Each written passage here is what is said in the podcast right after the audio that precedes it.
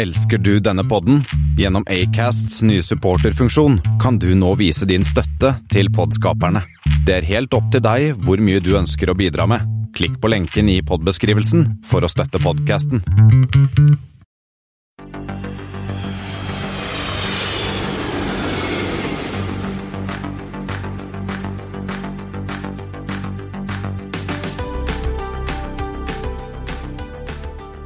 Hei og velkommen om bord på Flight 57, som vi denne gangen har kalt To fly, to serve.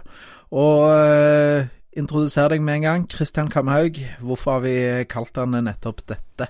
Jo, eh, jeg har jo lagd litt te og tatt med meg min fineste pinstripe-suit, for vi skal snakke litt om British Airways denne gangen, Thomas.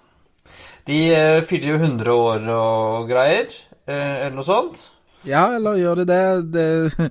Det er jo litt sånn mergers og sammenslåinger og oppsplittinger og litt sånn, så det er jo en litt brokete historie, men sånn ca. 100 år kan vi vel enes om. Evig kommer vi tilbake til. Yes, det gjør vi. Det har altså blitt 26. mars, og sammen med Espen Ness Hei, hei, Espen. Hei, hei. Så er meg Thomas Lone, og som tidligere nevnt, Kristian Kamhaug skal nerde litt med deg de neste tre kvarterene, 50 minuttene.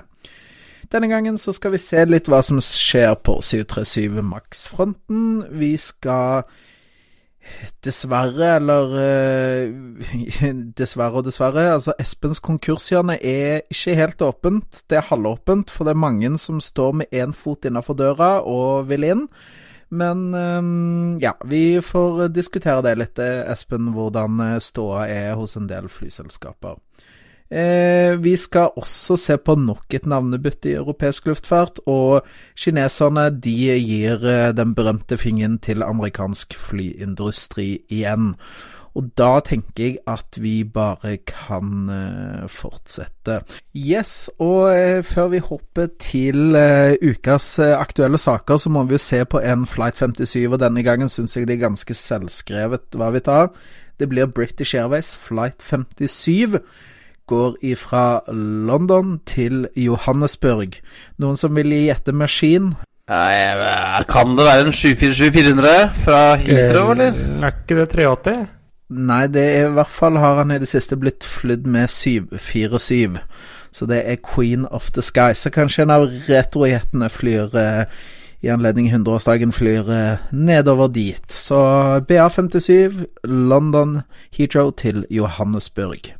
Og eh, noen som skulle også fly fra London, men ikke London Heathrow, Christian, det var jo noen som er innleid for BA, og det gikk litt dårlig. De skulle til Düsseldorf, men havna et helt annet sted. Eh, jo, eh, altså dette gjaldt en uh, wetlease for British Airways fløyet av tyske WDL, som skulle fly fra London City Airport til Düsseldorf. Eh, og et eller annet sted på veien så skjedde det noe eh, misforståelse, fordi at De kom jo ikke til Düsseldorf, de landa i Edinburgh istedenfor. Uh, og Edinburgh, altså Hvis jeg kunne velge mellom Edinburgh og Düsseldorf, så hadde jeg valgt Edinburgh, selvfølgelig. Uh, jeg tror det er litt mer spennende enn Düsseldorf, men uh, jeg tror ikke alle passasjerene var helt enig med dette.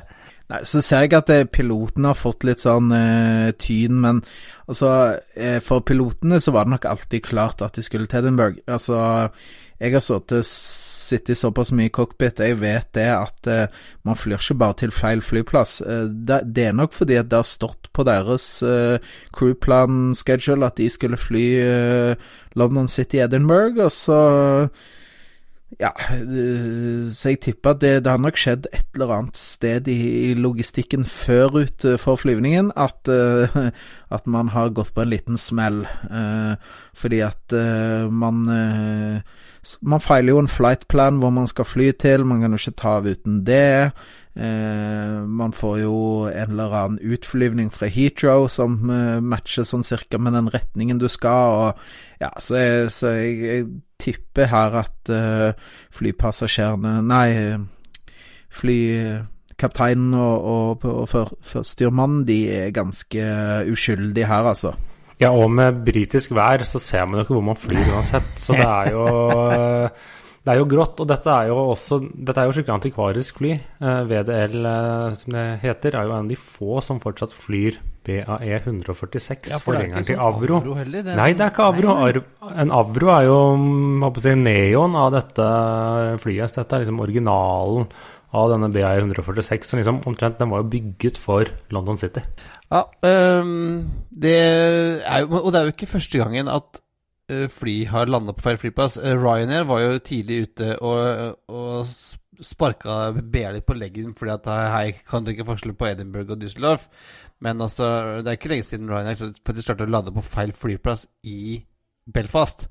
Og da var det ikke papirproblemen heller, det hadde sånn bare landa på feil sted. Og det eh, minner Det fins en lang lang liste som vi legger eh, link til på flyer som har landa på feil flyplass. Og den, eh, en som jeg husker fra back in the day, var jo en sånn Air France hadde en flight i eh, 86 som skulle lande på en sånn charterflight som skulle lande i den israelske byen Eilat ved, ved Rødehavet. En sånn ferie-fritidsdestinasjon. Eh, piloten lander eh, og får oppkall av tårnet bare eh, hvor, 'Hvor er du?'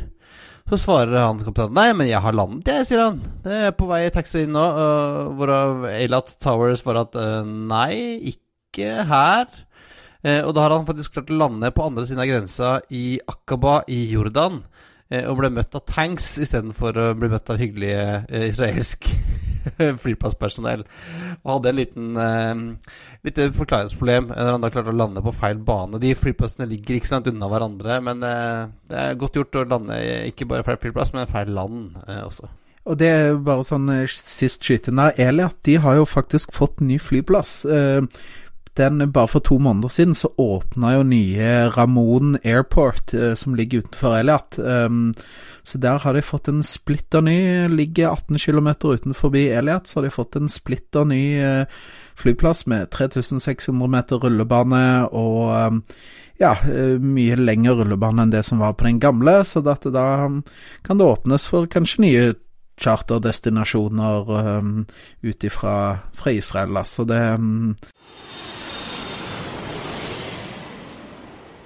Men vi må jo tilbake til eh, Storbritannia og både gamle fly og gamle bemalninger. For nå kommer jo da ikke min favoritt eh, av disse BA sin eh, jubileumsfarger ut, eller hva? Du, du, jeg hører du er er glad i den. Den kalles jo for Negus, og det er jo denne første uh, Første designen som kom etter sammenslåingen mellom BOAC og BEA, med blå Med blå um, Hva heter det? Mage. Uh, hvit topp eh, og en sånn stilisert uh, Union Jack uh, på halen, og så British Airways skrevet i blått. Eh, og jeg nesten ser det som Comic Sans, men det er jo ikke det. Eh, denne er den som ble introdusert i 1980, eh, og holdt på vel i bruk fram til 84, hvor de gjør en liten endring hvor British Airways ble tatt bort, og det man skrev bare British istedenfor. Uh, som jeg syns var egentlig litt, litt stilig. Jeg, jeg, jeg liker den. Den har litt sånn 70-talls, eh, tidlig 80-talls-vibe over den, Espen. Ja, det var det, da. Det er der vi er litt grann uenige. Jeg syns den er litt sånn kjip, og så er jeg klar man skal se, se det kanskje ut fra datidens uh, mote og datidens eh, varianter. Men jeg syns liksom den blir Jeg syns den er litt sånn blass og, blass og kjedelig. Jeg, har litt sånn Cool Britannia-vibes over den. Og det, det finnes jo også I tillegg til disse to versjonene av Negus, så finnes det noe som heter Silver Negus, hvor British Airways um, eksperimenterte litt med sølvfarget uh, topp istedenfor den hvite. På uh, i hvert fall én 727-200. Det så i hvert fall funky ut, Espen. Ja, ja, man får se. Men det er jo Thomas er jo noen andre som er blitt litt mer eh, fargerike, som vi så et bilde av i dag for første gang. Ja, eh, Anna, All Nippon Airways i Japan har jo nå eh, fått eh, maskin nummer to av A380-ene. De, de har jo rullet ut den første, den som var blue. Ja, Som ble levert forrige uke, var det ikke det? Yes, det stemmer, som var inspirert av det Hawaiian Blue Sky. Eh, derfor var den blå. Eh, veldig flott. Eh, den het så mye som Lani. Og nå er det kai som har kommet ut av eh, malebua. Og den er litt sånn turkis skilpadde-ish-aktig. Den heter kai, som sagt, og um, er fargen emerald green, som er inspirert av det krystallklare vannet på uh, eh, som er rundt Hawaii. Så mm, nå mangler vi bare den siste, som heter Kala, som er oransje. Eh, som da er inspirert av den eh, nydelige eh, hawaiiske solnedgangen. Så det blir veldig fint. Jeg liker disse maskinene. De er syns de er friske. Når Ana først skulle ta leveranse av tre A380-er, som ikke er akkurat så mye, så, så syns jeg de har gjort det veldig, på en veldig kul måte. Q, altså I og med at de skal brukes til Hawaii, så har det liksom branda det inspirasjon fra Hawaii, og ja, det, det, gir meg rett og slett gode vibber. Jeg syns det ser uh, fresht ut og ganske så annerledes i forhold til andre ting som vi ser på himmelen. Jeg vet ikke hva dere tenker. Jeg har jo sett disse tegningene, og disse eh, dataanimasjoner av, de tre sammen, og det ser jo, det ser jo kult ut. Jeg syns det er kult at de har liksom uh, gått litt uh, utover det vanlige designet på det her. Det er tøft. Det, de, de, ble jo levert nå, de kommer på rekke og. De har fått den første, og det er um, selv en, til en sånn, skal vi si, feriedestinasjon som Hawaii, så kjører jo Ana selvfølgelig åtte førsteklassesuiter i maskinen. Kjører 56 mm, businessklasseseter i en sånn eh, Alle har tilgang til midtgang, sånn eh, type staggered, eh, i mangel på et bedre norsk ord. Og så kjører de 73 eh, premium economy-setter, og resten da på hoveddekket er economy class, ca. rett i underkant av 300 stykker. Og, så det er jo eh, Selv til en feriedestinasjon så klinker man til med first class. Det syns jeg er litt, eh, litt spesielt. Det er vel noen rike japanere som skal på, på honeymoons eller noe til eh, Hawaii og skal splash litt out på det. Det er sant. og bare avslutningsvis kan jeg si det har også henta litt inspirasjon fra Air New Zealand. For helt bakerst i Economy Class så er det Ana Couch. Eh, så der eh, kan man kjøpe seg en treseter og lage sofa hvis man vil det. Jeg lurer på om ikke Air New Zealand tok sånn patent på, der, på det oppsettet. Det er vel det samme som Thomas Cook også har fått på noen av sine, Espen, eller husker jeg? Jeg lurer på noen av, den, noen av de britiske flyene sine. Eh, jeg er ikke helt sikker, men jeg tror kanskje det. Yes, men eh, jeg tror vi er nødt til å gå videre fra litt sånn eh, lystig bemaling av fly til Espens konkurshjørne. Og det er trangt i døra om dagen, Espen. Det er mange som prøver å komme seg inn. Det er flere som prøver å komme seg inn, men ingen har faktisk klart ja, I hvert fall, hvert fall ikke ennå. Vi får se. Altså det, Sjansen er stor for at minst en av de har gått på trynet innen vi er på lufta. Ja, man må ta en liten sånn disclaimer her, at nå er det Når, når er det egentlig? Nå er det tirsdag, så innen vi kommer ut, så kan faktisk mye skje akkurat her. For her skjer ting fort. La oss begynne med Waver, det som er det mest hjemlige av disse selskapene. De, eh, de har jo vært ute i problemer, eh, kort sagt. Eh, eksponerte for mye, begynte å tape penger, ble for ivrige. Først var jo bl.a. Iceland der, var i høst en gang inne på eh, samtaler om, eie, om en eh, eierandel, så ble det jo disse Indigo Partners de eh, forhandlet med, og de var liksom ja, off Offentlig da, så var de veldig nær en avtale opptil flere ganger, men så ble alt sammen utsatt, og nå forrige uke ble det kjent at de da hadde trukket seg fra forhandlingene. De skulle jo både ta en 50% eierandel og skyte inn penger. Ble det ikke noe? Nei, det ble det ikke noe. Og så plutselig så ble Iceland der på banen igjen, og det varte vel sånn ca. 24 timer. Ja, en halvtime eller noe. Det var jo omtrent inn døra og ut igjen. Ja, inn døra. Eh, og så var det liksom nå, Da trodde jeg at nå er det slutt. Nå går det skeis. Så ble Ja, det varierer litt forskjellige kilder, men trolig to av flyene tatt i arrest av leasingselskapene. De har jo elleve fly igjen etter de kvittet seg med en hel eh, drøss med fly.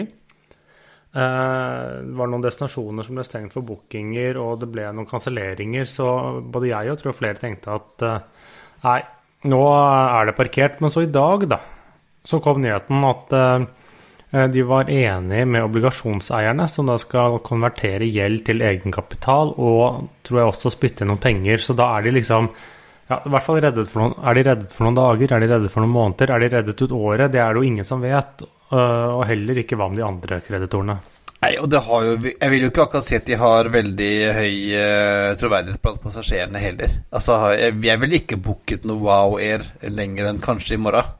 Nei, det er liksom det som er eh, så lenge de er så ute og kjører. Men uh, ja, man får se hva som skjer. Det er som sagt, jeg er rimelig sikker på Jeg, jeg venta jo omtrent bare på at de skulle stille inn driften, og hadde liksom gjort klar hadde gjort klar eh, dødsannonsen og full pakke, men eh, det Ja, det, de, de, kom ikke så langt foreløpig. Nei, og det er jo, altså Vi var inne, vi hadde en diskusjon om dette her før i dag, Espen. Men altså når du fly blir tatt i arrest, og du begynner å stenge nettsidene for booking og sånn, da er det liksom Da er det ikke mye igjen. Så, og de da, hvis vi da også begynner å få måtte betale fuel cash og sånn, så er det jo helt slutt. Men uh, ja, Vi får se hvor lenge det holder. Jeg har ikke trua nå, altså. Nei, det blir, dette er eh, spennende. Men så kan du si at nå går vi fra én type basket case til en annen, som går til Jet Airways India. Indisk luftfart har jo også mye moro i. Så, ja, så lenge du ikke har investert, så har du moro der, ja. Ja, eller leid ut flyet ditt, eller flyr, flyr der. Uh, Jet Airways dette har jo tidligere vært liksom det største privateide selskapet i India. De gjorde det vel bra for lenge siden. Uh, eiet av en litt eksentrisk fyr og familie, på halvparten. De var, jo, de var jo tidlig ute når uh, India privatiserer Eller når, når India Eh, åpnet for, for mer private selskaper, så var jo de Jet Airways tidlig ute. De har holdt på i 25 år. Ja, ja, de har holdt på lenge. Eh, begynte innenlands, og så eksponerte de til, eh, til utlandet også, sånn som man må i India. Først må man bevise seg på innenlandsrute, så kan man få lov til å fly utland. Ja, og så kom jo også bl.a. Etiad inn med 24 eierandel. Eh, for noen stund siden. Men der har pengene da i det siste rent ut. De har slitt med å betale lønninger. De har slitt med å betale leasing, slik at nå er ca. to tredjedeler av hele flåten deres parkert. Og de får jo heller ikke noen uh, nye fly. Uh, siden de, si, leasingselskapene stoler ikke på dem, får de før betalt. Og de men jeg, jeg, vet ikke helt hvorfor det fungerer kanskje litt annerledes i India. Men de har heller ikke Leasingselskapene har ikke tatt tilbake flyene, men det kan være at de ikke får de ut av India, eller helt hvordan de gjør, at de derfor nå ikke flyr så mye utenriks. At de, de rutene har bl.a. blitt kuttet. Jeg er ikke helt sikker. Nei, dette kan eh, De må nok ta en telefon til den indiske namsmannen og få tatt beslag i disse flyene og fått de tilbake. Ja, og så er det litt komplisert juridiske forhold i India. Så kort sagt at uh, de rir ikke samme dag som de saler der. Uh, det skal gjennom tror jeg, vet ikke, 40 rettsinstanser og full pakke, men uh, det tar litt tid. Kan være at det er noen som skal smøres litt på veien òg, det skal du ikke se bort ifra. Det skal man ikke se bort ifra. Så nå har jo han Naresh Goyal da, han har jo trukket seg, og kona satt jo også i styret. Hun er jo også ute, og nå er det mye Jeg tror tipper det er mye løping rundt i bankene i Delhi eh, for å få det her på plass. Ja, og eh, Etiad har også trukket seg sin plass og vil heller ikke De ønsker jo å selge, men det er jo ingen som vil kjøpe noe som ikke har en verdi. Men det som nå virker å skje, er at noe som heter State Bank of India. Eh, de har tydeligvis en stor kreditor her og har lånt dem masse penger. Eh, de går nå inn og overtar, eh, slik jeg forstår det, 50% av selskapet gjennom en aksjeemisjon, slik at da han er Naresh Goyal og kona som eier 50% de vil da eie 25% men disse India State Bank tar da halvparten. Om dette er rent politikk for å liksom Ja, det er en stor arbeidsgiver, det ønsker å redde ansikt, eller om de gjør det fordi det er det mest økonomisk lure eh, istedenfor å tape eh, masse penger, det vet jeg ikke. Også disse India State Bank er jo også litt sånn merkelig. Det er noe vi ikke helt har i Norge, men det er litt sånn ja, Det er en statlig bank, eller delstatlig bank, eh, som også driver med privat. Det er liksom om KLP omtrent skulle endt opp med et flyselskap. Ja, eller, eller jernbaneselskapet, da, som Italia. Det, altså, hvem vet? Ja, men det er litt rart. Eh, disse State Bank of India er jo Indias største bankgruppe. Har sånn 25% markedsandel i India. Er til stede på hele 24 000 fysiske kontorer. Så det, det er ikke akkurat DNB som skalerer ned uh, og har ett kontor i hvert fylke. Men det er jo ikke akkurat som om de tjener så gode penger, disse her heller. State Bank of India, de um, gikk vel på en smell på ca. 2,2 milliarder dollar i fjor, så det er ikke Det går ikke unna, Gunnar, men eh, ja. Nei, men de har, de har jo De har over 200 000 ansatte. Litt usikker hvor mange som jobber, men det handler jo om å liksom sette folk i arbeid òg. Så ja, men de har i hvert fall da Eller er på ferd med å gå inn og også liksom styre og stelle.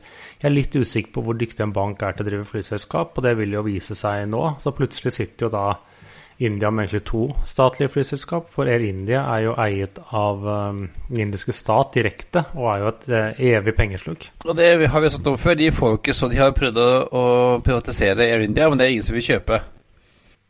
Nei, det er jo ingen, det er ingen som vil kjøpe noe som uh, er kronisk uh, tapsbringende, så de fortsetter å putte penger uh, inn i dem. Så om noen vil da Dette lærte jo vi i økonomitimene, Espen, at minus og minus gir pluss. Så det er vel det som er tanken, da. At de to, to uh, basketcase sammen må jo bli en suksess. Ja, det, det gjenstår jo å se. Så men det er i hvert fall eh, indisk luftfart er eh, vrient. Det er jo flere som har vært litt på, litt på, felgen der, men samtidig så har man liksom noen nye som satser, tar disse Indigo, som plutselig har blitt Indias største selskap, og som er en, vel en av de få som gjør det litt sånn OK. Eh, så det blir i hvert fall spennende å se. Men noe som også er spennende å se på, Espen, er jo ut Air, som uh, har uh, gått kanossagang til bankene for å få uh, ettergitt litt gjeld. Så de Men hvordan er det i den prosessen? Klarer de seg, eller er det én fot i konkurshjørnet og nesten to? Ja, de tror jeg også litt har en god fot i konkurshjørnet. For disse Uter, de holdt jo på å gå over ende, var det sånn rundt 2013, 2014, 2015, husker ikke helt, når det liksom begynte og står litt dårlig til i russisk luftfart. Eh, og de fikk jo måtte gjennom en kraftig restrukturering. De hadde store flybestillinger som aldri ble noe av, som flere av de russiske. Det var jo flere som da gikk konkurs. Men de har jo tydeligvis ikke helt klart å snu seg rundt. Eh, disse er jo da er det de fjerde største flyselskapet i eh, Russland, og de har nå sagt at eh, långiverne sine at dere må ettergi sånn ca. 4 milliarder kroner i gjeld. Hvis ikke er konkurs et veldig stort alternativ. Ja, de hadde jo uh, Ulykkene fortsatte. De hadde jo et, et uhell nå i september uh, ute på vei inn til uh, Sotsji, hvor uh, en 737-800 uh, kjørte utafor rullebanen, tok fyr. Heldigvis bare ett uh, dødsfall, men det gir jo ikke akkurat Ja, det blir, det blir ikke akkurat, glad i det selskapet der. Nei, så det blir, det blir spennende å se hva som skjer. Men det er litt som sagt, det er trangt i døra akkurat nå, men det var ingen som uh, lukka den etter seg. Så det blir jo spennende å se. Det får vi. Eh, noen andre som sliter litt i motvind om dagen, er jo eh, Boeing 737 Max. Eh, og det fører jo til at eh, det skjer litt greier hos flyselskapene. Norwegian har jo eh, utsatt salget av en del litt eldre 737-800-maskiner. Og vi har jo sett nå mer 787 eh, eh, på ruter innen Europa, så blant annet eh, Oslo Charles de Gaulle i Paris var blitt fløyet med 787. Og så er det vel litt sånn at man konsoliderer og flyr litt Arlanda-passasjerer til Oslo videre til Dubai, at man slår sammen flyene. og flyvningene, så det blir jo litt sånn krøll for Norwegian der. Men eh, det ser ut som jeg har sett at de klarer seg relativt greit. Det er kanselleringer på noen ruter, men det er jo ofte ruter med høy frekvens. Så folk blir vel enten sendt før hvis de er tidlig på flyplassen, eller blir sendt med fly etterpå hvis de kommer akkurat i tide. Så, de, de klarer seg greit. Og så er det jo også sånn som uh, Bjørn Kjos var ute og sa, at det å skaffe fly til å avvikle sommertrafikken. Wetleys, eh, det er ganske greit i det segmentet, type 737-størrelsesmaskin. Da var det mange tilbydere, og de kan, eh, hadde ikke noe problemer, sa i hvert fall Kjos, med å avvikle den trafikken. Men det, han må vel si det uansett, da, så det er jo litt Ja, ja. Det blir gode penger utover for selskaper som Enter Air og, og det heter alt samme. Titan Airways og litt sånn forskjellig. De som er igjen uh, på det markedet. Uh, Jet, uh, Jettime og litt av hvert forskjellig. Ja, og nå, nå, starter jo da flyselskapene sin sommersesong nå søndag 31. Og da tar jo trafikken seg vesentlig opp eh, både fra den datoen og gradvis. og Da vil jo behovet eh, etter hvert begynne å øke, og det er vel det de nå ser Norwegian. Så blir det spennende å se hva som skjer. Eh, hvor lenge disse blir stående. Eh, det er jo også litt sånn usikkert, for det er jo at eh, nå i morgen, onsdag, skal det være et møte hos Boeing, og det ryktes nå at de har en software-løsning eller en fiks klar for dette problemet. Men det er ingen som helt vet hvor lang tid det vil ta å få inn, hva som skjer. Og ikke minst, det som blir problemet her, er jo få sertifiserte. Uh, det, hvis man går rundt omkring i forskjellige luftfartstilsyn, tilsyn det heter, så er jo sagt at de ikke skal bare la seg kopiere av FAA. Både de europeiske og kanadiske har sagt at dette skal de sertifisere selv. og her, uh, Dette kommer til å nok ta ganske lang tid. Og så det, kan det være enkelte tilsyn, sånn som i Kina, sånn, som kanskje vil være litt ekstra vanskelig. Så hvor lenge maks blir stående på bakken, det Eh, det blir jo spennende å se, men man ser i hvert fall flyselskapene. De har jo kansellert Max-flightene sine alt fra ja, en eller annen gang i mai til ut oktober, avhengig av fra selskap til selskap. Og det er jo ikke bare flighter som blir kansellert. Geruda Garuda Indonesia har jo kansellert 49 av 50 bestilte 737 Maxer. De har fått levert én maskin. den står vel i Jakarta helt stille, den da? Ja, det står, det, men det, dette er jo en sånn men, eh, men, er det litt sånn er vikarierende motiv, tror du? Det er, ja, det er nok veldig vikarierende. Garuda som flere har nok bestilt litt flere fly enn de trengte. Så det som skjedde, var at i fjor så fikk de vel levert én maskin, som de da ikke rakk å utsette. For du, du må jo, skal du utsette leveransemaskin, så må du si fra ganske tidlig. Eh, så de eh, mottok én, mens de resterende, er det 49, har de da skjøvet på til en eller annen gang i 2020-ish uh, senere. Um, så det er jo fly de da tydeligvis egentlig ikke trengte ut av, tjener jo ikke penger om dagen, de heller. Så jeg tror her um, leter de etter et smutthull bare for å kvitte seg med uh, bestillingen. Og jeg tror det er flere selskaper som uh, vil gjøre det samme.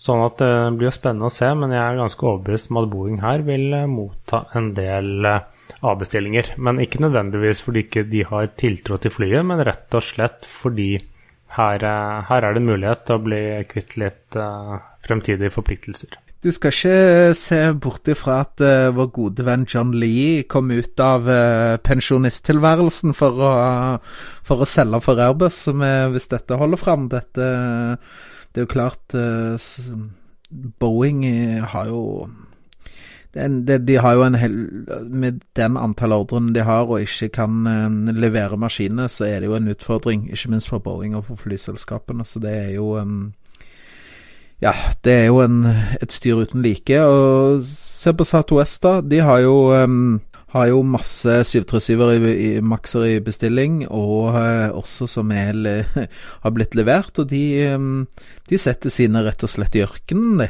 Uh, så et bilde her eh, var vel en eh, ja 10-15-20 maskiner som bare står parkert i ørkenen i Victorville nå, så mm, det er jo eh, Det er trist skue. Det er jo maskiner som burde vært uh, på vingene. Ja, det, det, jeg får se hvor lang tid det tar. Det, noen har jo snakket om at det, sånn, ja, tar, tar noen uker, tre måneder til høsten, eh, sier Kina. Altså, hvem vet? Det kan ta lang tid før de kommer luft, i lufta igjen. Og vel også, Boeing har vel også begynt å ferjefly nybygde maskiner også, går det? For de har jo ikke plass til alle sammen oppe i Seattle heller. Ja, eller jo, de eh, I hvert fall ikke på renten hvor de lages, men de har uh, fergeflydd, slik jeg har forstått, en del opp til, uh, til Everett. For der er det jo også god lagringsplass. Det var jo en periode det sto jeg vet ikke hvor mange 787 maskiner som sto der når Boeing slet med å få levert de. Sånn at tar de sikkert i bruk de gamle parkeringsplassene for de flyene. Men uh, du var inne på det, Thomas. Det er jo Men var den enes død, den andres brød? Oh yes, det er det. For nå har jo kineserne vært på shopping uh, i, uh, i Sør-Frankrike. Ikke i NIS, som mange kinesere er og kjøper vesker og sånn, men de har vært i, litt lenger inn i landet, i Toulouse, og handla ikke mindre enn 300 splitter nye Airbuser. Ja, det ble jo nå Avtalen ble signert nå i forbindelse med statsbesøket. Eh, presidenten i Kina var jo først i Italia en tur og, og kjøpte noen havner eller noe greier der. Og så Eh, dro han videre da til eh, Frankrike for å treffe Merkel og, og, Macron, og der ble det jo da avduka denne avtalen her med 300 maskiner. Eh, du Espen, du ble litt skuffa du. Det var litt lite Det var mye A320?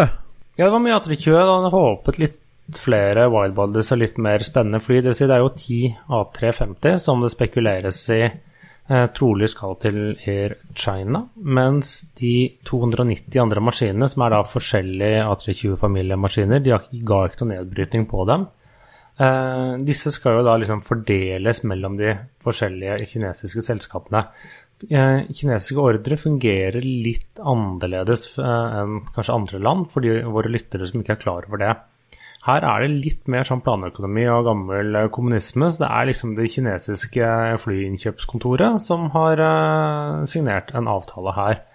Og så vet man heller ikke Her er det jo mye PR og presse. Dette er ordre som kommer til å bli levert, men en del av disse ordrene kan godt være allerede er i bestilling. Både Boeing og Airbus har sånne såkalte unidentified orders, som er bekreftede ordre, men ingen vet hvem tilhører de har en tendens til å dukke opp uh, i, uh, hos de kinesiske selskapene etter hvert som de blir levert. Så kan det være at noen av dette er helt sikkert nye ordre, men noe av det kan være ordre av eksisterende uh, fly. Så, men det vet man jo ikke.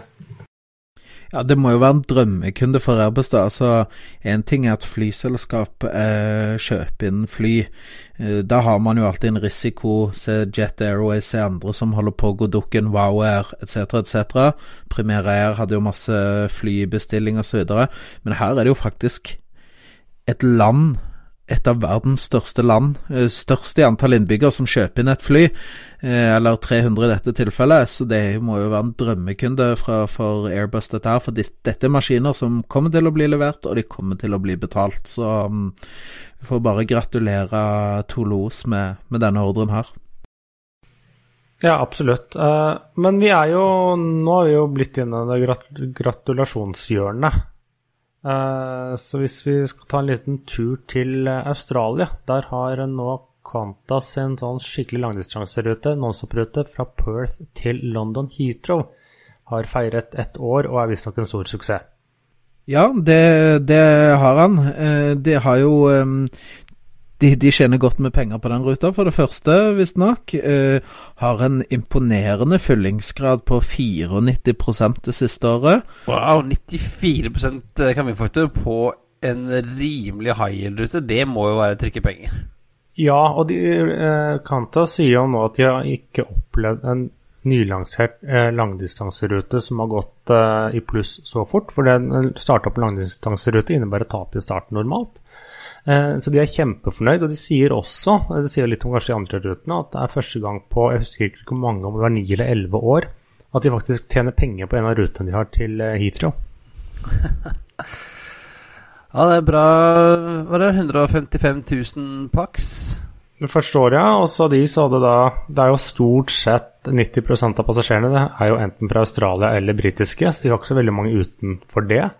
Eh, og så la de fram en litt sånn uh, morsom statistikk, hvor de har, sa liksom, hvor Dette er jo for oss uh, statistikknerder. Uh, hvor kommer de passasjerene fra, eller hvor skal de? At det viser seg at 50% reiser enten starter eller slutter reisen sin i Perth.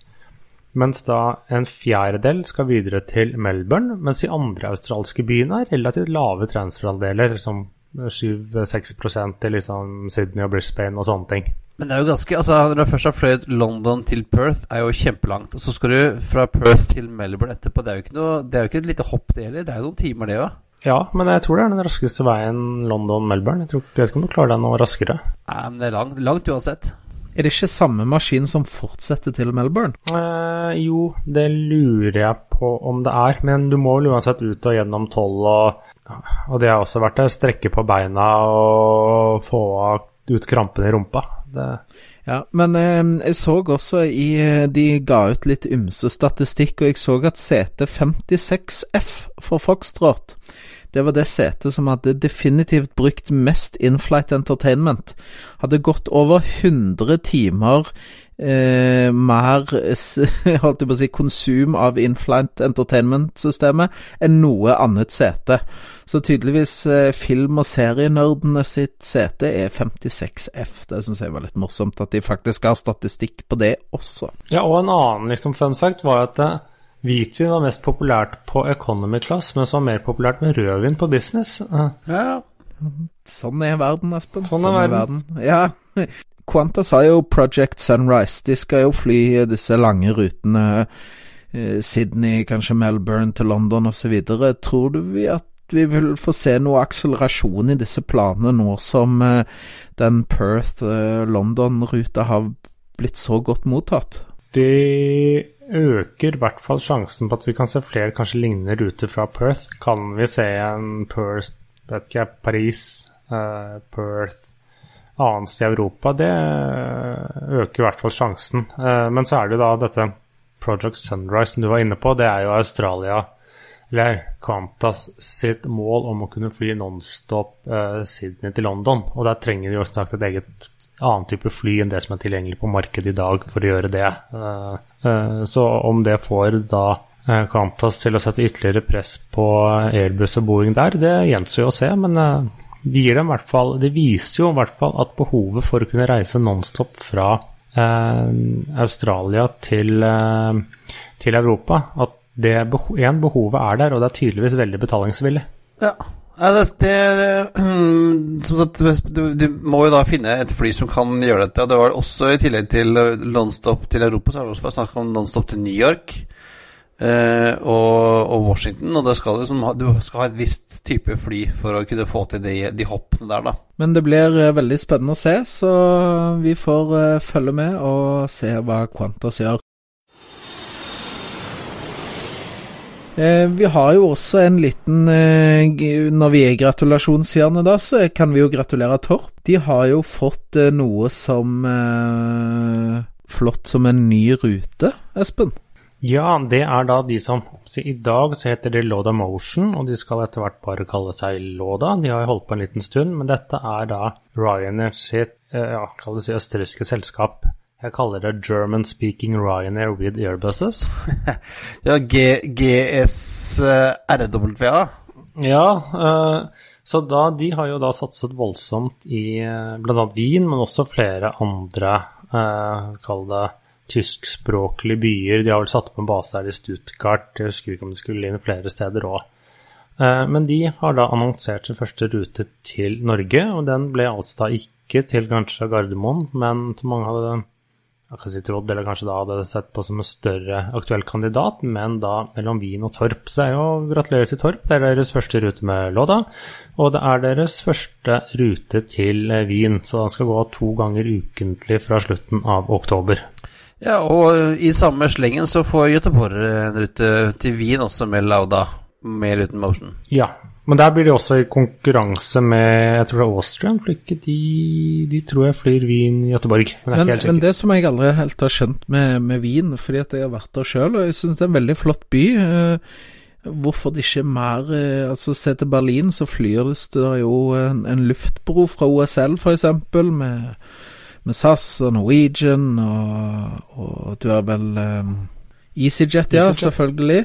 Um, mens Wien har liksom aldri vært noe storslag. Altså, Austrian har jo én av og til to dager. De har vel kanskje sånn ti ukentlige rundturer. De har en, eh, en kveldsavgang eh, som går eh, sånn i halv ni-draget fra Oslo, eh, som går alle dager utenom fredag. Og så er det en morgenavgang som er mandag, tirsdag, eh, fredag og søndag. Det er liksom that's it. Og så har du Norwegian med fire ukentlige, så det er jo ikke det er jo ikke så mye å skrive hjem om. eh, kanskje behovet ikke er der, men det er i hvert fall en veldig flott eh, by for en, eh, for en langhelg, uh, syns jeg, da. Jeg er helt enig. Jeg, jeg, har vært i Wien et par ganger. Og, um, og, men da var jeg en av de få som Eller vi var noen av de få som gikk av i Wien. De aller fleste skulle jo videre. Eh, Austrian har et veldig, veldig bra eh, nettverk østover og sørover eh, fra Wien. Men eh, på samme som også Brussel, så tenker jeg at Wien er sånn under, underkommunisert eh, fin storby å besøke, da. Så det får være en anbefaling, det også. Besøk Wien før det er for seint. Eh, da tenker jeg at vi går videre, og eh, har du tatt på deg tweedjakken, eh, Christian? Nei, jeg, kjører altså sobert pinstriped double-breasted i og med at vi snakker British Airways.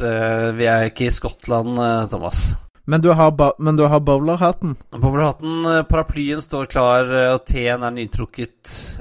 og vi har vel smurt noen cucumber sandwiches også, sånn at vi er klare for å snakke British Airways, eller BA. Bloody Awful, som noen vet at det sto for, men det er jo ikke det. Det er jo et selskap som det går ganske bra for om dagen. De er, de er i vinden. Det er uh, 100-årsjubileum Ja, 100-årsjubileum, bla, bla. Uh, de har fått nye seter i Club World. Uh, deres eierselskap IAG var jo ute og snuste på Norwegian. Uh, det er et selskap i, i vekst, og hvor det går unna, altså. Men altså, jeg vil bare begynne med dette, hundreårsjubileet. 100-årsjubileet. Ok, gutta. Hvilket selskap er verdens eldste som fremdeles opererer under eget navn? Det er vel KLM. For det er i hvert fall ikke British Airways. Nei, stemmer. KLM, grunnlagt 1919, og har fløyet mer eller mindre under sitt eget navn siden den gangen. Mulig at de sånn litt, uh, hadde en liten pause under annen verdenskrig, men de fyller jo faktisk 100 år nå til høsten. Eh, mens dagens British Airways ble, ble jo dannet så seint som 31.3.1974. Så altså litt yngre enn meg. Eh, som resultat av sammenslåingen av eh, de nasjonaliserte flyselskapene British European Airways, BEA, som fløy innenriks Europa, og British Overseas Airways Corporation, BOAC, som fløy oversjøisk, riktig. Eh, og I tillegg så ble også de to regionalskapene Cambrian Airways i, fra Wales og North East Airlines i Newcastle, som blir sånn tatt med i den fusjonen og nasjonalisert da, i 74.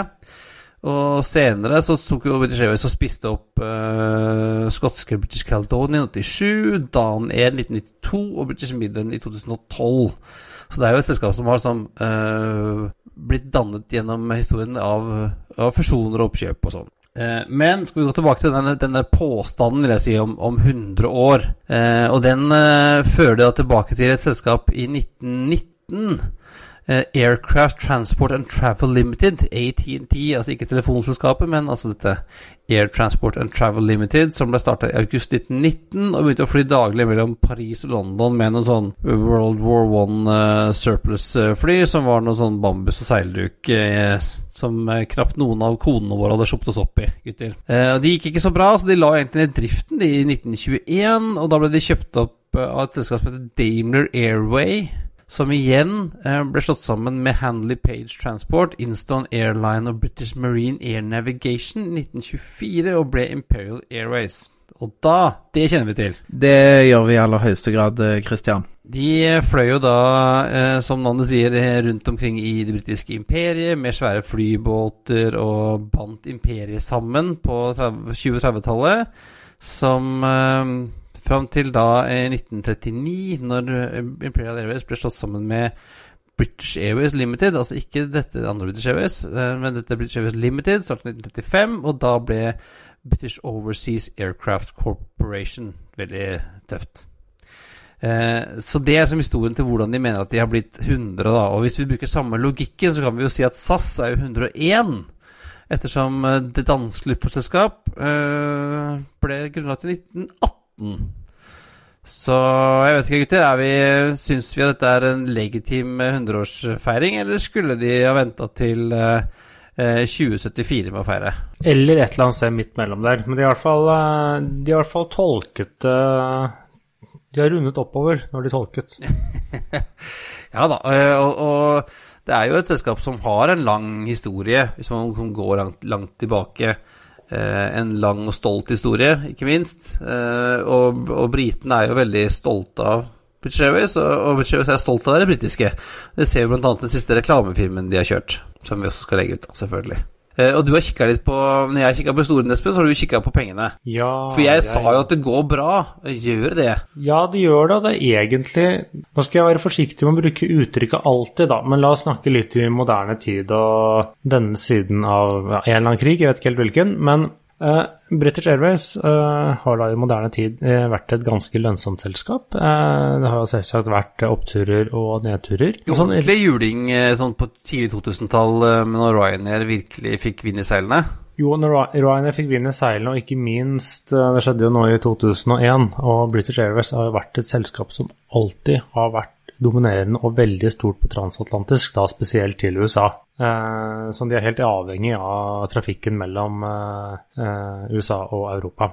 Men liksom, litt sånn liksom, hva det si, økonomisk og måte å drive på, eh, så kan man sammenligne det litt med Lufthansa. Liksom På tross av at de hadde høye kostnader ved inngang til liberaliseringen av luftfarten og fremveksten av lavprisselskapene, så har de alltid liksom Eh, rukket og kuttet kostnader litt før det ble helt krise. Eh, de har liksom ikke hatt den derre skikkelig skikkelig kniven på strupen, ta liksom, eller gått konkurs og blitt eh, restrukturert. De har liksom ikke vært sånn sånn halv fot i graven, sånn à la Air France, à la SAS, Iberia, som har vært noen periodevis skikkelig skikkelig økonomisk ute å kjøre. Det har ikke British Airways gjort. Eh, sånn de liksom eh, De har nok også vært reddet, da. At de eh, tradisjonelt sett, og i hvert fall i gjennomsnitt over årene, har jo hatt svært god yield, eller altså inntjening. Og de har kanskje hatt litt bedre tid på seg. De har hatt et uh, betalingsvillig publikum. Uh, har jo alltid hatt store businessklasser og, og sånn. Og altså London er jo, er jo som verdenshuben. Eh, og som vi har sagt om tidligere, det er jo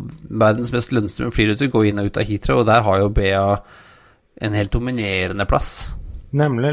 London genererer en enorm trafikk, og ikke minst en enorm high yield-trafikk, for alle må skal til London og låne penger. Eh, sånn at de har jo liksom da gjort det sånn og men så har de jo også vært gjennom store spareprogrammer, og de har kuttet og gjort sin. Eh, og de viste seg da, når da IAG ble grunnlagt, ved da BA og Iberia slo seg sammen, så var det jo første starten at BA tjente pengene, og så tapte Iberia dem.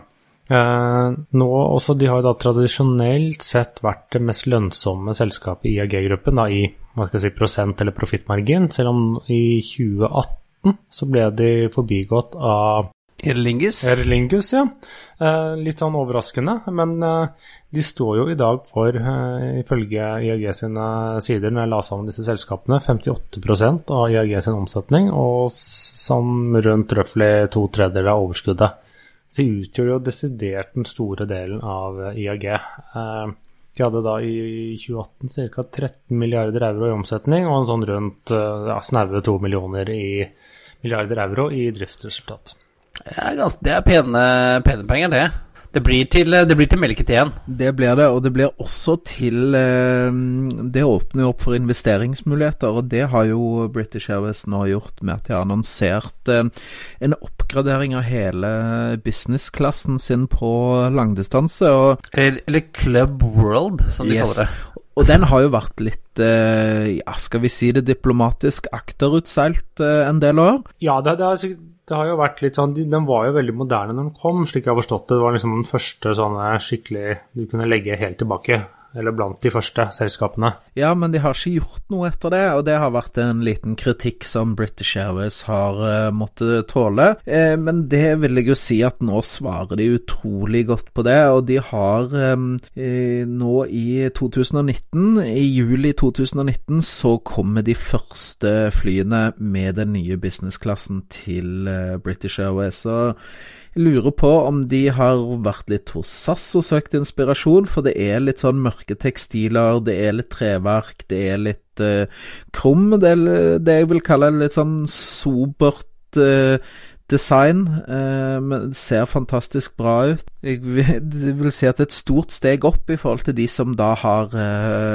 hatt Det er vel i de største maskinene så har de vel hatt åtte Eh, på tvers av midtgangen, eh, businessklassesetter. Nå går de ned til fire, så det, mm, det, blir mye mer eh, romslig og bra for de passasjerene som betaler godt for billetten sin. Og det er jo, det er jo veldig det er jo, det er jo lekkert, det er sobert, det er britisk. Det er sånn Sammenligner det her med med Emirates gull og, og marmor, så ser jeg at det, er en helt annen stil. Det er jo helt, uh, helt herlig. Jeg vil si fargepaletten minner litt om SAS, altså med det mørke og litt sånn. Så det er litt sånn eh, nordeuropeisk uh, Sånn uh, litt sånn Ja, hvordan skal man si Underdressed. Altså det, det, det, ser rett og slett bare pent ut. Det er det de gjør uten noe bling og noe flashy greier. Så det er veldig bra. Den kom Sober eleganse. Yes, takk, uh, motespesialist uh, Christian Kamhaug. Uh, det kommer på Airbus A350 1000-maskinene, eh, som blir levert da i juni i år. Så BA har jo gått ut og sagt at de skal jo da for det første fly disse maskinene litt in, eh, intra-EU. Eh, de skal fly eh, mest sannsynlig mellom London og Madrid, så det er klart eh, skal man ta seg en tur der, så er det kanskje verdt å booke business class for å teste ut de nye setene. Det er jo sånn som de fleste flyselskaper gjør når de faser inn en ny flytype, så flyr de litt på kortere distanser. Vi har snakket om SAS som fløy A330 på hovedstadstriangel i sin tid, osv. Så, um, i løpet av 19 da, så vil fire Airbus A350 1000-er uh, være satt i drift med den nye business-klassen. Eh, BA har bestilt totalt 18 av de, så det, det, kommer, det, kommer, en del av de. Så kommer det jo også 12 787-10-maskiner mellom 20 og 23 som vil få den nye kabinen. Og den nye kabinen vil også bli installert i 18 777-9-maskiner som kommer mellom 22 og 25. Eh, så kan man jo spørre seg BA har jo en stor langdistanseflåte. Hva skjer med den? Skal disse få um, nye setter? Ja, i 2019 så vil to av de eldre 777-ene få det. Eh, så det Så skulle man jo tro at man, når man går ned fra åtte til fire i bredden, eh, så vil det bli mye mindre Club World, eller det vil gå utover det totale passasjerantallet, men det gjør ikke det, fordi at de vil også redusere førsteklasse fra hele 14 til 8 seter. Og de vil drive oppgraderingen av de eksisterende maskinene fra 2020, og de regner med å være ferdig i 2023. Så, og det vil bli sagt også at de gamle jumbojetene, 747-ene, de vil ikke få de nye setene, for de vil jo bli pensjonert innen 2023, så det er jo også litt um, Ja, så skal man uh, hvis, det, hvis, man skal fly den nye businessklassen, så vil jeg tippe, um, fordi at det er jo sagt at um, disse A350 000 skal de har allerede annonsert de første rutene i tillegg til eh, Madrid. så De skal til var det Toronto og Dubai. Yes, det, det skal de. Men så videre så er det jo sagt også at um, de skal, holdt jeg på å si, erstatte disse um, 747-ene som har 52 seter i Club World. Det er så spesifikt de har vært. Det er en del av disse 747-versjonene som har 52 seter i, i, Club World. Dette er maskiner som da går til Accra, Cape Town, Las Vegas, Miami, Nairobi, Phoenix og Vancouver. Så fra 2020 så, um, så vil den nye Club Worlden ganske sikker være å finne på en av disse destinasjonene. Så, så det um, da, da vet man det. Hvis man ønsker å fly uh, kun for et sete, så kan man jo ta en tur til Accra eller Las Vegas og vinne litt penger. Ja, det er interessant det at eh, BA nå, uh, som, som, har vært tidlig med, med, å kjøre store, store fly, 747 og de hadde, har 380 og sånn, nå erstatter 747 med A350 000 da, på mange ruter. Får vi se liksom, London er jo, som vi er inne på, en, en destinasjon som, som, er en av de få som faktisk krever såpass store fly. Så eh, jeg så et intervju med han Alex Cruise, som er CEO i British Airways. Han, han var vel ikke helt var vel ikke helt utenkelig, som han tolker, at, at de kanskje kunne gå for mer store fly eh, fremover. Kanskje kjøpe noen brukte A380-er, 748 i don't know. Uh, det, det, trengs jo store maskiner i den uh, butikken der. 779 er jo ikke akkurat en liten maskin, det heller. Nei, det er sant. Det er sant. det er sant. Ja, um, jeg har ikke fløyet så mye med BA sist. Et par, to-tre år siden jeg fløy sist, tror jeg. Til London. Jeg har bare, bare flydd mellom Oslo og London, så jeg har aldri flydd på langdistanse. Men Espen, du har flydd verden rundt med BA, har du ikke det?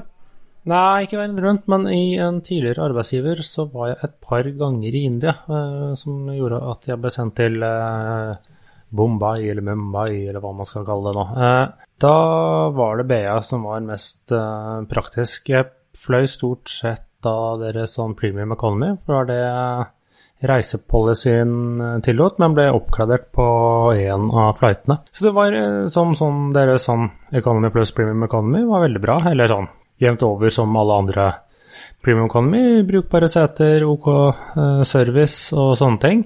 Uh, og så var det som sagt den når jeg ble oppgradert til businessklassen, skal man sammenligne litt. At det var ikke sånn veldig imponert. Det var veldig bra service, men det var liksom sånn som du sier, de åtte seter i bredden. Det var veldig trangt sete. Eh, godt utvalg på drikkevogna, mens maten var god, men så ut som dynge. Som, som, som engelsk mat eh, generelt, da, med andre ord. Eh, jeg fløy eh, var det, det var fem-seks år siden, tror jeg. Jeg fløy mellom Paris og, og, London på Club Europe, da, som er den europeiske businessklassen. Og da er det eneste gangen jeg har opplevd å bli tiltalt med navn. Mr. Camag, would you like some more tea? Eh, og te, det, det er ikke kødd engang. Det kan de på British Airways. Et av de få selskapene jeg har fløyet med som kan servere en ordentlig god te. Men jeg, jeg, jeg, sier også, jeg har jo vært eh, fløyet noen ganger til London, både da i moderne tid med, med 320-maskiner og eh, tidligere 757. Men eh, British Airways de hadde en litt rar rute som jeg fløy med dem i tilbake i 1995. Nå går vi liksom veldig langt tilbake. Det var en, da, en 737 som gikk fra Fornebu til Gatwick og videre til Aten. Vi forlot aldri flyet i Aten. Eh, nei, unnskyld, vi forlot aldri flyet i Gatwick, men da kom det masse grekere eh, som røyka og snorka. Vi satt jo Siste rad med den gangen var non-smoking, så en av de verste flightene vi har hatt. Kan tenke deg litt sånn eh, kjederøykende gre grekere to rader bak deg. Eh, det var en eh, Det snakkes det fortsatt om i familien. Nå kom faktisk jeg på en ting som kanskje ikke dere har gjort. Um, jeg har faktisk flydd BA på innenriks i UK. Jo, ja, jeg har, uh, jeg har gjort det noen ganger. Uh, faktisk, for jeg studerte noen år i Edinburgh, så hentet jeg fløy da via London. Enten med BMI hos oss, eller med da British Airways. Ja, riktig. Jeg fløy fra Newcastle til Heathrow i sin tid. Og jeg skal i desember så skal jeg til Glasgow sammen med søsknene mine og dra på konsert. Og da skal, vi, da skal jeg fly, i hvert fall. Uh, Oslo, London, Glasgow med British Airways. Det blir spennende. Men skal vi uh, pakke av oss uh, pinstrap-suiten, Christian, og ta på oss Skulle til å si boeruniformen, men det er vel ikke helt det? Nei, vi må ta oss Vi må ta på en ordentlig camo-uniform nå. Kommer på hvilken side du skal være på. Vi har en anbefaling, og dette er en film som jeg har gledet meg til ta, Som jeg har gledet meg til lenge, og det har vært ekstremt vanskelig å få tak i. Denne filmen. Den heter Seven Days in NTB kom ut i, i fjor. Eh, ble aldri vist på kino i Norge. Eh, havnet eh, til slutt på iTunes. Du kan leie den eller kjøpe den der for 169 kroner. Nå, Og det er en da, basert på en sann historie, som det heter. Eh, en kapring av et Air France-fly i 1976 eh, som endte i Entebbe, Uganda. det var en gjeng med, med tysk norske terrorister som prosesserte med, med PLO eller PFLP eller hvem hvilken av disse gjengene det var, som skulle da fly, eh, kapre dette flyet fra eh, Paris til eh, fra Tel, Aviv til Paris. Tok det først til eh, Libya, hvor det ble tanka, og så fløy det til Entebbe i Uganda, hvor de drev og deala litt med Idi Amin og litt sånne greier, hvor de da ble stående på bakken i syv eh, døgn. Eh, før eh, det kom en gjeng med israelske kommandoer og bare skøyt seg inn og tok på seg, tok på seg alle sammen hjem. Eh, det er jo en, dramatisk historie. Og litt, sånn, og litt, litt flyting også. Det er jo Hercules med, og det er denne Airbusen I, i virkeligheten var det en, en, Airbus A300 som ble kapret, men i filmen er den, er den erstattet av en A310. Jeg tipper at det er ganske vanskelig å få tak i en flyvedyktig A300 som de kunne bruke i filmen. Det er da ukens anbefaling. Ja, på et vis. Den får altså uh, eh, 5,8 av 10 stjerner uh, på IMDb, og den er sånn Den er ok. Uh, jeg har sett bedre filmer, jeg har sett verre filmer. Da sier vi det. Men da tenker jeg at dette var alt for denne gang. Det er rett og slett på tide å feste sikkerhetsbeltene, rette opp setet og sikre frisikt ut av vinduet, ettersom Flight 57 nå går inn for landing. Som vanlig finner du linker til det vi har snakket om i dag på flypodden.no. Du finner oss også på Facebook, Twitter og Instagram. Vi takker alle som støtter oss via Patrion og Vips, og ønsker du å invitere oss med på en flytur, sponse oss, eh, ønsker du å gi oss generell ris, ros eller uh, intervjue oss, som uh, noen også ønsker, så ta gjerne kontakt på hallo at flypodden.no. På gjenhør neste uke. We thank you for flying with us today. We truly appreciate your business and look forward to serving you on a future flight.